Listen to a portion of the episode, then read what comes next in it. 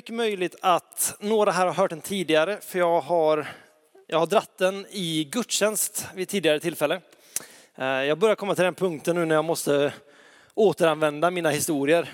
Jag är inte lika gammal som Andrew så jag får liksom ta samma historia en gång till.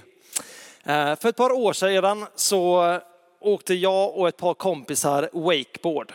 Och vi åker ner i hamnen i Lysekil precis in till strandpromenaden.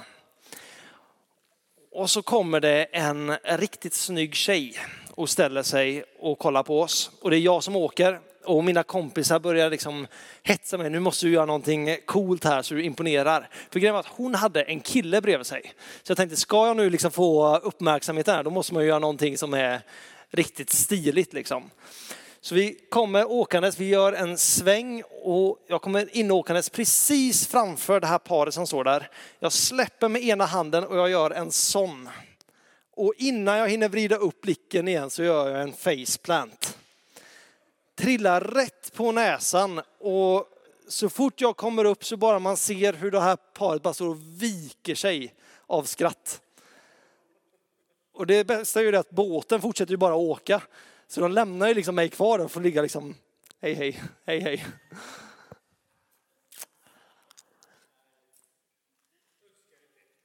Precis det jag hade planerat.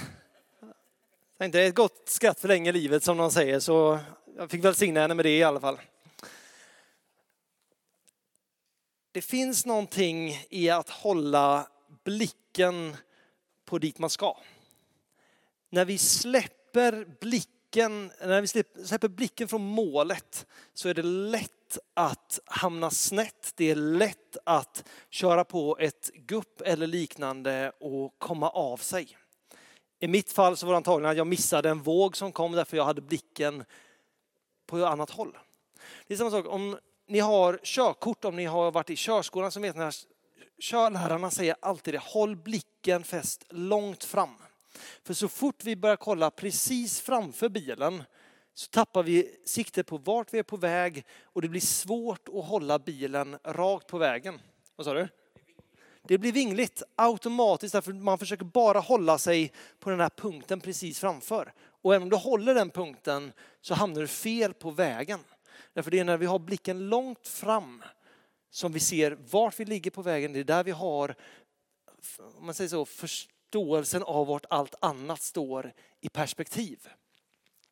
Jag tror det är samma sak i våra kristna liv. Det handlar om att ha blicken fäst långt fram. För när vi fäster blicken för nära inpå, för mycket på här och nu, eh, just idag, vad jag vill ha precis nu, så är det så lätt att jag hamnar lite fel. Det behöver inte vara en jätteavstickare, men om jag bara driftar lite grann för varje gång så kommer jag längre och längre bort ifrån dit jag faktiskt är på väg. Jag tänkte, det finns ett väldigt konkret, eh, det finns ett väldigt konkret eh, bibelställe som talar om just det här med att inte tänka långsiktigt utan att tänka precis här och nu. Är det någon här inne som brukar gå och handla när ni är hungriga? Händerna upp. Ja, Okej, några i alla fall. Hur många av er som går och handlar när ni är hungriga köper någonting som kanske inte är jättesunt, men som i den stunden lockar väldigt mycket? Axel har en stor hand upp där bak. Det, det, är, det är farligt.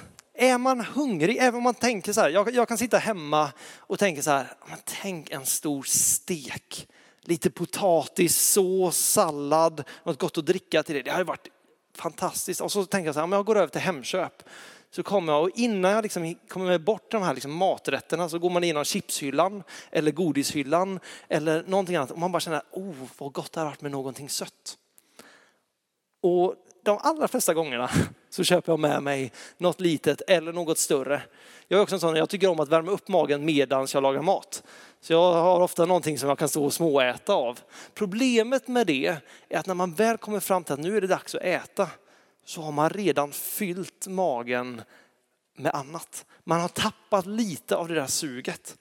Eller så gör man det, man köper någonting sött, man kommer hem, äter maten först och sen inser att det finns inget sockersug kvar.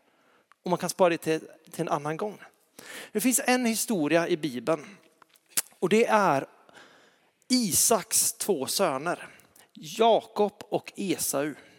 På den här tiden fungerade det så att den som blir född först, han har arvsrätten. Det innebär att den förstfödda sonen kommer ärva egentligen allting som fadern äger. Hela hans mark och djur, det kommer gå till den förstfödde. Det är hans arvsrätt. Esau är den äldre av dessa två bröder. Och Esau är Isaks favorit. Han kommer få ärva allt och Isak är ganska rik. Så kommer det en dag när Esau har varit ute och jagat. Och han kommer hem antagligen med byte. Det vet vi inte säkert, men han kommer antagligen hem med, ni vet, Hemköpskassarna fulla.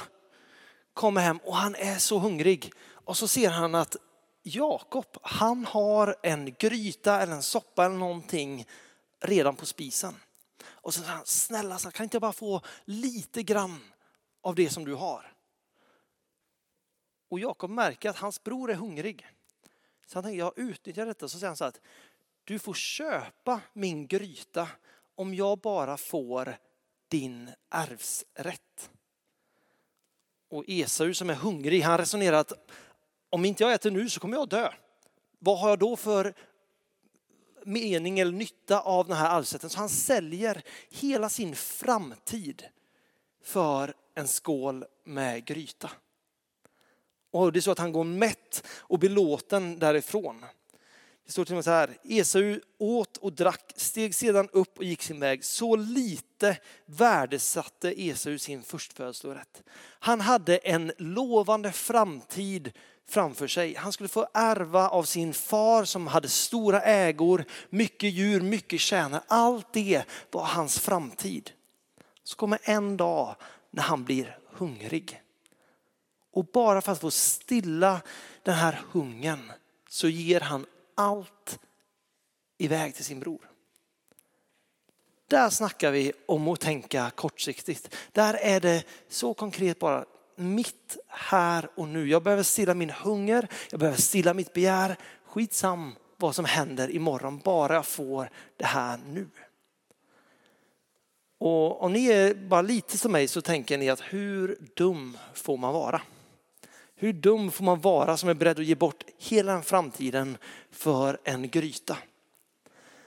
Problemet är att vi hamnar ganska ofta, kanske inte i den extrema positionen, men vi hamnar väldigt ofta på en position där vi tänker, vad kan jag göra här och nu för att få det jag vill ha eller det som tillfredsställer mig eller det som gör att jag mår bra nu. Utan att tänka på de långsiktiga konsekvenserna. Vi hamnar där hela tiden. Jag har två gåtor med mig idag. Jag tänkte jag får komma på någonting som är lite annorlunda. Så jag har två gåtor till er. Eh, och ni får dem bägge två innan någon får ge sig på ett svar. Den första lyder så här. Den som inte har mig försöker vinna mig. Och den som har för mycket av mig försöker, försöker göra sig av med mig. Vad är jag? Gåta nummer två.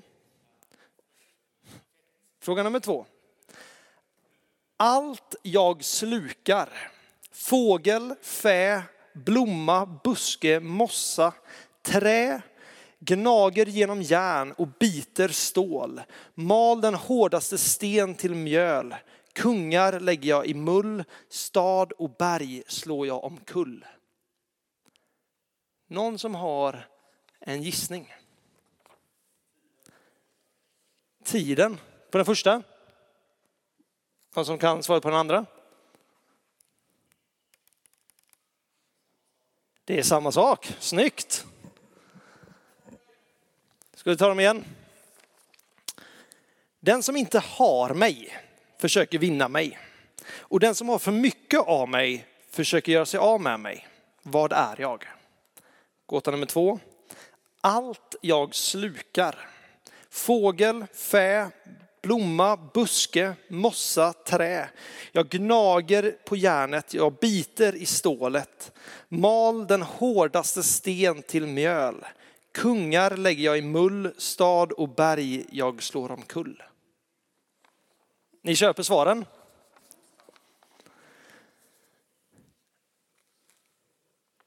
Tiden.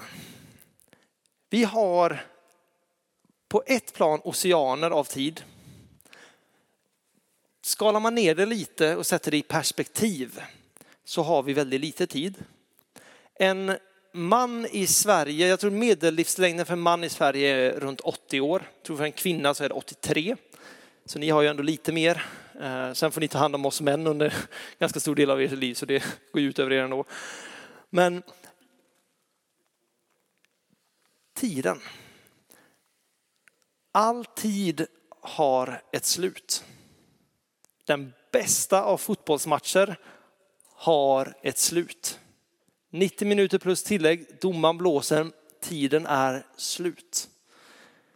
Arbetslivet har ett slut. En dag, om man mår, har hälsan i behåll, så når man pension. Allt vi gör har ett slut. Så har även våran tid på jorden. Den har ett slut. Och slutet, så länge inte Jesus kommer tillbaks innan vi går härifrån, så är slutet på livet döden. Döden är oundviklig.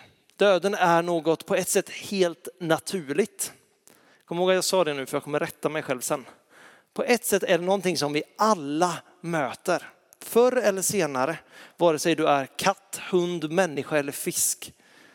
Så någon gång så kommer döden in.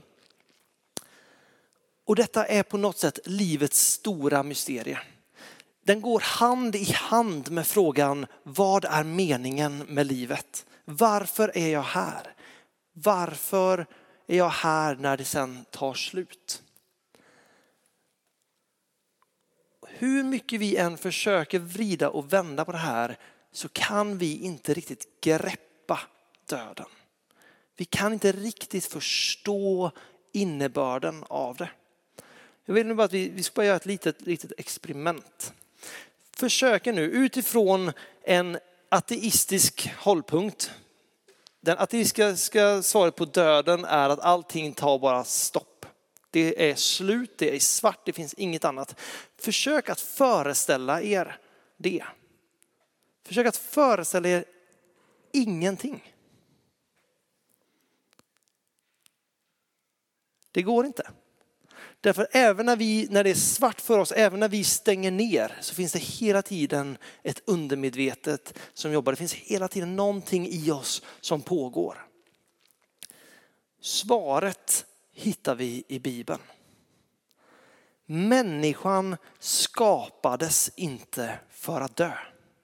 Vi är inte designade för att förstå döden. Därför det var aldrig en plan för oss att vi skulle dö. Om vi går till första Mosebok. Inte den som du har där Emil, skit i den. Det var den vi berättade om förut. Första Mosebok, det första som händer, Gud skapar världen. Han skapar människan, han skapar man och kvinna. Det står så här i första Mosebok 2, vers 7. Och Herren Gud formade människan av stoft från jorden och blåste in sin livsande i hennes näsa. Så blev människan en levande själ. Gud skapar oss och det är Gud som ger oss liv. Vi är skapade för att ha en relation tillsammans och med Gud. Och människan får vandra fritt i Edens lustgård, fritt i den här vackra skapelsen tillsammans med honom. Gå på upptäcktsfärd tillsammans med Gud. Det står till och med i Bibeln att det är människans jobb tillsammans med Gud att namnge olika djur och arter. Gud vill göra saker och ting tillsammans med oss. Han ger oss fullständig frihet. Han säger ät av vad du vill. Utom ett träd. Det finns ett träd som du inte får äta av. Det står så här i vers 16. Och Herren Gud gav mannen denna befallning. Du kan fritt äta av alla träd i lustgården, men av trädet med kunskap om gott och ont skall du inte äta. Till den dag du äter av det skall du döden dö. Första gången i Bibeln som död nämns. Nästa gång det kommer Eh, när människan har ätit av det enda de inte fick äta av. Då stod Gud fast och han säger att på grund av detta så kommer ni att dö. Kort därefter kommer första mordet. Vi var inte skapade för att förstås på döden, därför vi var skapade till att leva evigt med Gud. Vi var skapade till att för all framtid vara i gemenskap med honom. Men på grund utav synden så kom döden in. Jag hör ganska ofta människor som pratar om att han dog en naturlig död.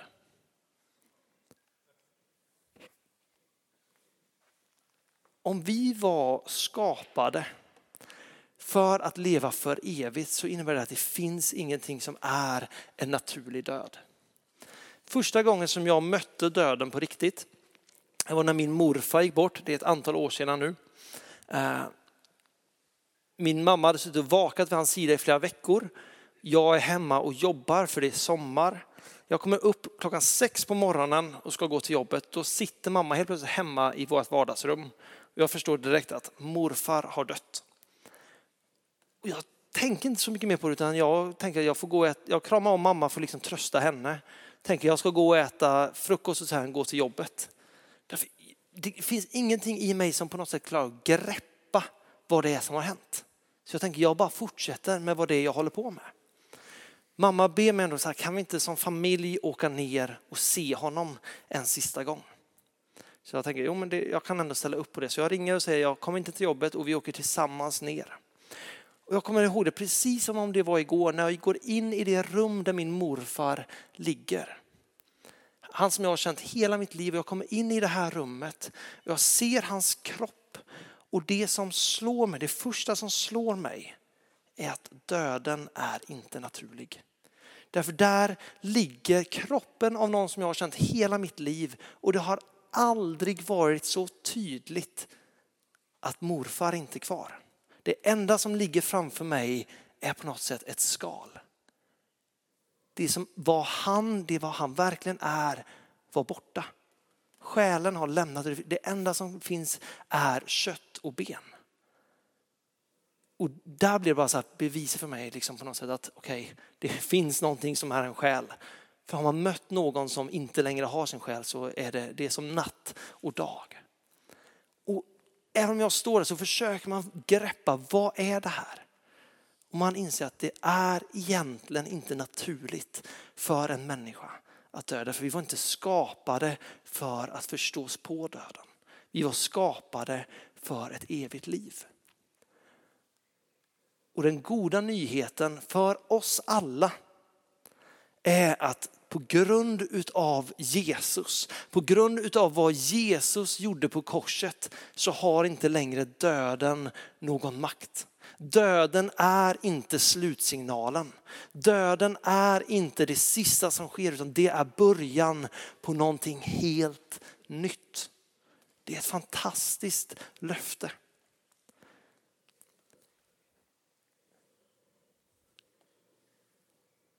Problemet för oss blir att vi precis som mig på wakeboarden eller den nya övningskörseleven eller Esau i Bibeln.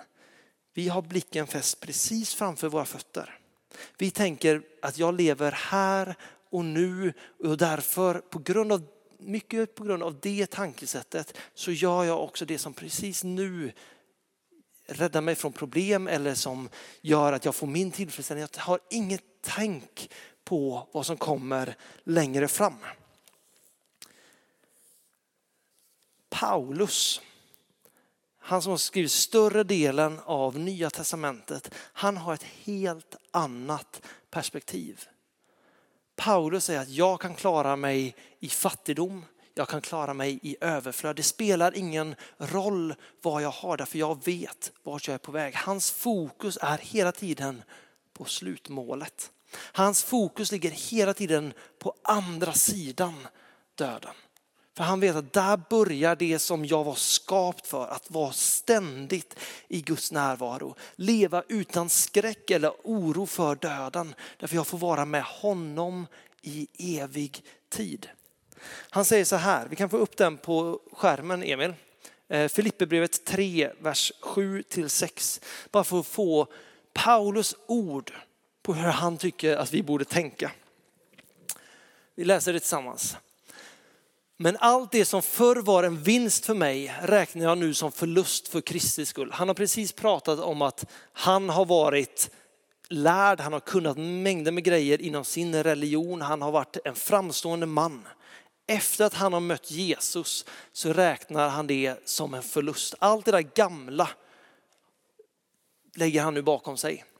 Ja, jag räknar allt som förlust för jag har funnit det som är långt mer värt. Kunskapen om Kristus Jesus min Herre. För hans skull har jag förlorat allt och räknar det som skräp för att vinna Kristus och bli funnen i honom. Inte med min egen rättfärdighet, inte alltså med mina egna gärningar, min egen styrka eller prestation, utan alltså den som kommer av lagen, utan med den som kommer genom att jag sätter min tro på Kristus. Rättfärdigheten från Gud genom tron.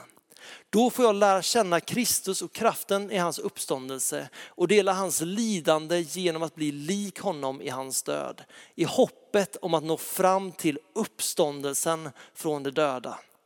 Inte så att jag redan har gripit dig, Det betyder alltså inte att jag är färdig, det betyder inte att jag redan är där. Jag har alltså inte nått målet, men jag jagar efter att gripa det eftersom jag själv är gripen av Kristus Jesus.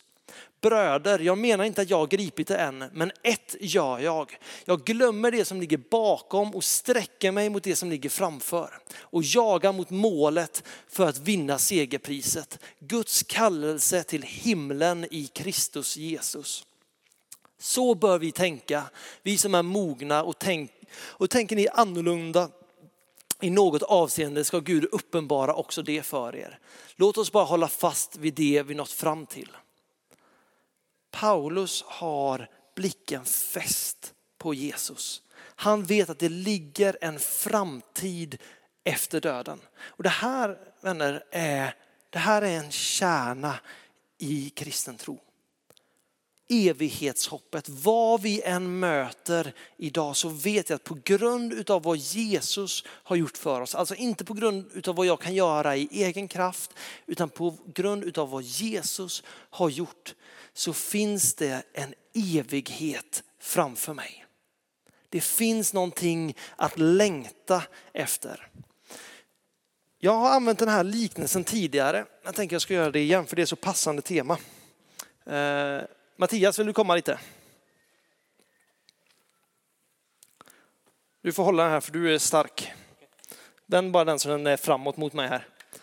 Okej, det här är en tidslinje. Den här sladden är en tidslinje.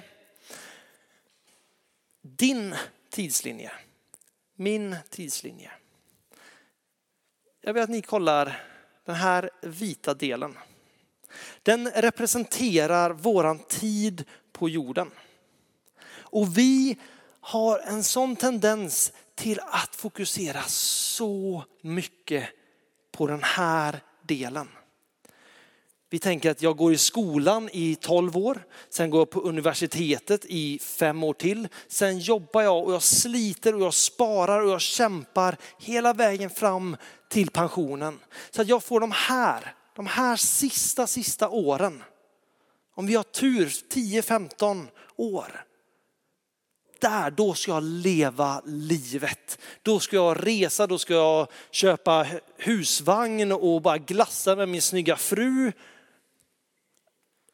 vi jobbar och vi sliter för ett par år. Vi lägger ner all vår kraft och vår möda på att få de här lyckade sista åren. Där tejpen slutar, där börjar evigheten med Kristus. Nu är den här bara 25 meter lång. Jag tänker att den tar inte slut. En evighet tar aldrig slut. Kom ihåg den här korta biten, våra 80, 85, kanske 100 år om vi har tur. Den tiden som vi fokuserar så mycket på, där vi tänker att jag ska få ut det där max av de där 10, 15, 20 sista åren. Vilket gör att vi glömmer bort tiden som ligger framför oss. För vet ni vad, tack Mattias. Jag tar och rullar upp den sen. Jag kan sätta ner den.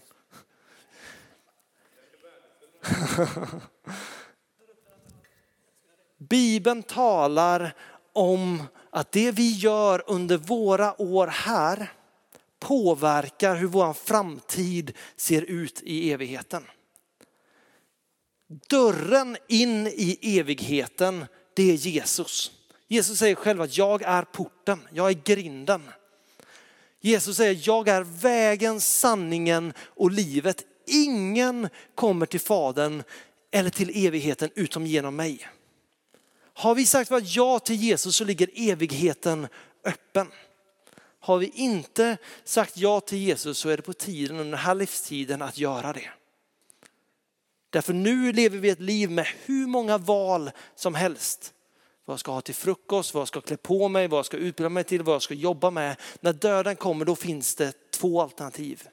Det är himmel med Gud, en evighet tillsammans med Gud eller en evighet utan Gud. Det valet ska vara gjort innan vi kommer dit. Och det vi gör under våra år här och nu förbereder oss för evigheten. Så om vi bara, precis som den här bilföraren, vågar lyfta blicken från precis framför oss. Där jag tänker, vad gör gott för mig nu? Eller vad vill jag ha nu? Och tänker, det ligger en evighet tillsammans med Gud. Bibeln talar om en evighet utan tårar, utan smärta, utan våld, utan ondska. Vi lever just nu i en tid som har allt det. Priset är en evighet med Jesus. Och det är när vi har blicken fäst längre fram, när vi har blicken på segerpriset, tid tillsammans till 100% med Jesus. Det, jag lovar, det kommer att påverka vårt sätt att leva. Om jag lever i fattigdom, det är så lätt att jag tycker det blir, det blir en börda som jag krossas under. För jag tänker hela tiden på vad jag inte har, vart jag är på väg. Jag säger inte på något sätt, jag säger inte på något sätt att fattigdom är lätt och att man ska skjuta det under stolen. Men det finns en framtid där fattigdom inte kommer att vara ett problem. Och vad jag gör under min tid nu påverkar hur jag får gå in i den framtiden. Vänner, vi måste lyfta blicken från våra egna fötter, från våra, från våra kortsiktiga perspektiv och tänka att det ligger en evighet och väntar. Om jag lever mitt liv för Jesus nu, 100% all in Jesus, så har jag en evighet med 100% Jesus i framtiden. Och det handlar inte om att vi ska göra en massa grejer som gör att vi får bättre fördelar i himlen. Det handlar inte något om det och det är inte det Bibeln säger heller. Utan det Bibeln säger att om vi lever för Jesus så kommer det ta sig uttryck. Om vi lever för Jesus, med Jesus för våra ögon så kommer våra liv att avspegla honom det här livet, de här 80 åren eller 120 åren eller vad det än är. De här åren är en förberedelsetid för vad vi får komma in i tillsammans med Gud. Jag vill bara ta en sista bibelberättelse. Jesus hänger på ett kors. Han har gett upp allting för din och min skull. Han har inte gjort någonting fel och ändå sitter han uppspikad och torterad på ett kors. Bredvid sig har Jesus en man som har gjort antagligen fel hela sitt liv. Bibeln skriver honom som en rövare och det står att han själv känner att han förtjänar att hänga på det där korset. Den personen vänder sig till Jesus och säger Jesus när du kommer med ditt rike, tänk då på mig. Och Jesus vände sig till honom hans sista timmar i livet och säger redan idag kommer du vara med mig i paradiset. Det innebär alltså att vi behöver inte ha levt ett liv på 80 år där allting har varit rätt, där vi har följt Jesus varje dag för att få komma in i himlen. Hans sista timmar gav han sitt liv till Jesus och Jesus säger min vän kom med mig. Så att istället för att kolla tillbaka, istället för att se över axeln, se allt det jag har gjort fel, istället för att se alla mina fel och brister, så kan vi få se framåt. Vi kan få se vart vi är på väg och vi kan vara från och med idag Jesus så vill jag leva de här åren som jag har kvar, de här dagarna som ligger framför mig för dig. Jag får investera min återstående tid för dig, för den framtid jag har med dig. Det är det Jesus vill ha våra hjärtan.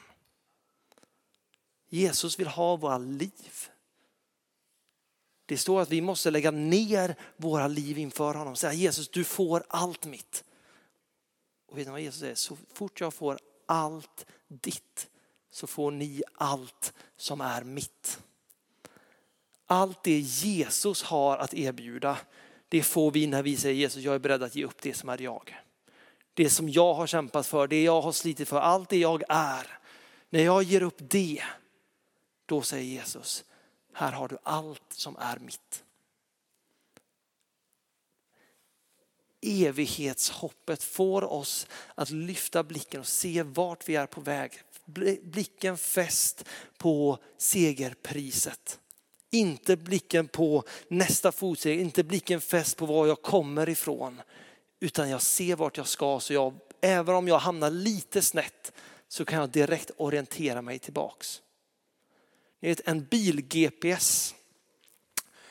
När du kör på en bil-GPS så sätter du in slutdestination.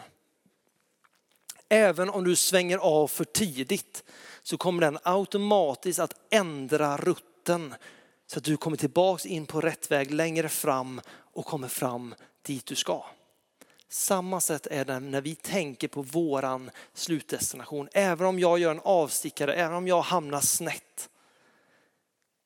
Så, så länge jag har blicken fäst på Jesus, blicken fäst på evigheten tillsammans med honom, så kommer jag i slutändan att hamna rätt. Det är när jag börjar kolla var kommer jag ifrån som jag inte har någon aning om vilken sväng jag ska ta härnäst. Det är när jag bara tänker nästa sväng som jag blir förvirrad. Så att se evigheten framför sig, att se vart är jag på väg. Det är så Paulus leder, det är så han uppmanar oss. Jaga efter det, kämpa, lägg ner din kraft, din möda för vad som ska komma. Och gör inte som Esau och sälj det för alldeles för lite. Bara för att det ska vara gött just här och nu. Därför imorgon kommer du vakna upp med en brännande smärta i din mage och tänka varför gjorde jag det där valet? Men när jag vet vart jag ska, då är Gud nådig, då är Gud där och han hjälper oss och leder oss framåt. Så fäst blicken på Jesus. Sätt ditt hopp till Jesus, led ditt liv för Jesus. Så kommer du att märka att så mycket som tar upp så mycket av din tid och som oroar dig eller som ger dig ångest nu. Det blir bagateller i det långa loppet.